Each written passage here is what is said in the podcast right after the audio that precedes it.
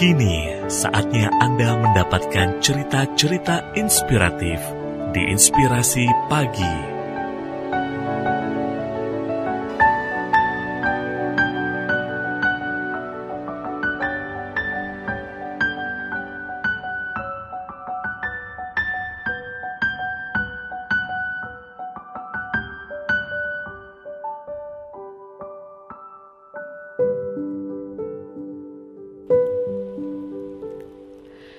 Keuntungan jadi cewek mungil.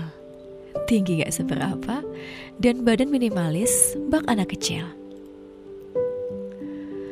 Manusia memang tak ada yang sempurna. Dari ketidaksempurnaan tersebut Selalu ada celah bagi orang-orang Untuk meledek tubuhmu. Baik kamu yang memiliki postur tubuh tinggi besar Maupun ada yang pendek dan mungil Khusus untuk kamu yang memiliki postur tubuh pendek dan mungil, mungkin ejekan seperti liliput sampai boncel lekat pada diri. Menanggapi ejekan-ejekan itu, gak usah malu atau rendah diri, karena tubuh yang pendek dan mungil sebenarnya memiliki keuntungannya tersendiri. Apa saja keuntungan yang khusus dimiliki oleh orang dengan postur tubuh pendek dan mungil? Memiliki postur tubuh yang pendek dan cenderung mungil menjadikanmu bahan ejekan. Terkadang orang-orang memandangmu sebelah mata akan hal itu.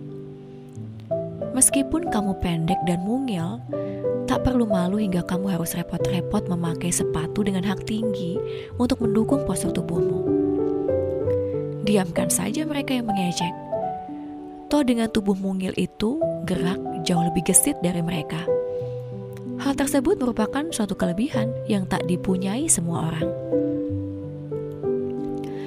Bagi yang memiliki tubuh pendek sekaligus mungil, sebutan sebagai anak SD kerap didengar.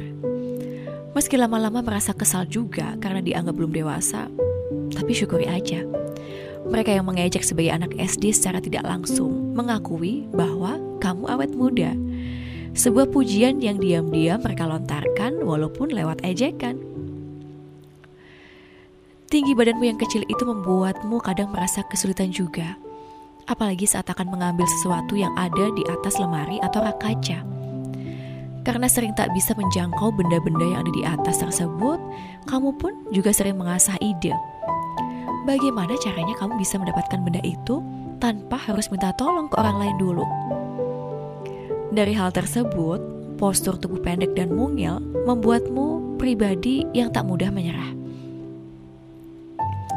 kamu membuktikan bahwa keberhasilan atas sesuatu tidak dipengaruhi oleh postur tubuh semata.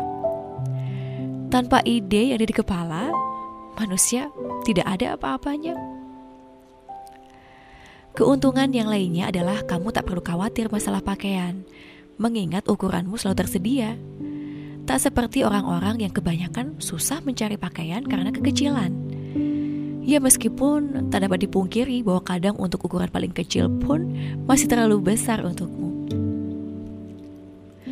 Ini sih yang membuatmu jadi lebih percaya diri dan mencintai tubuhmu yang pendek dan mungil.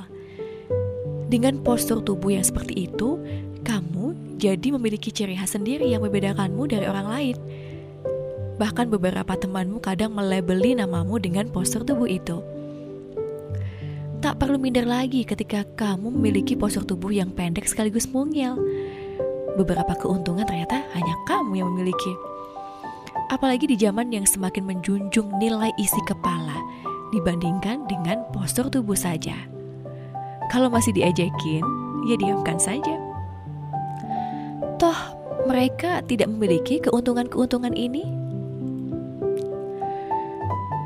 Kerabat Imelda, Motivasi ini ditulis oleh Arintia, bersumber dari www.happy.com. Untuk inspirasi pagi, Imelda FM.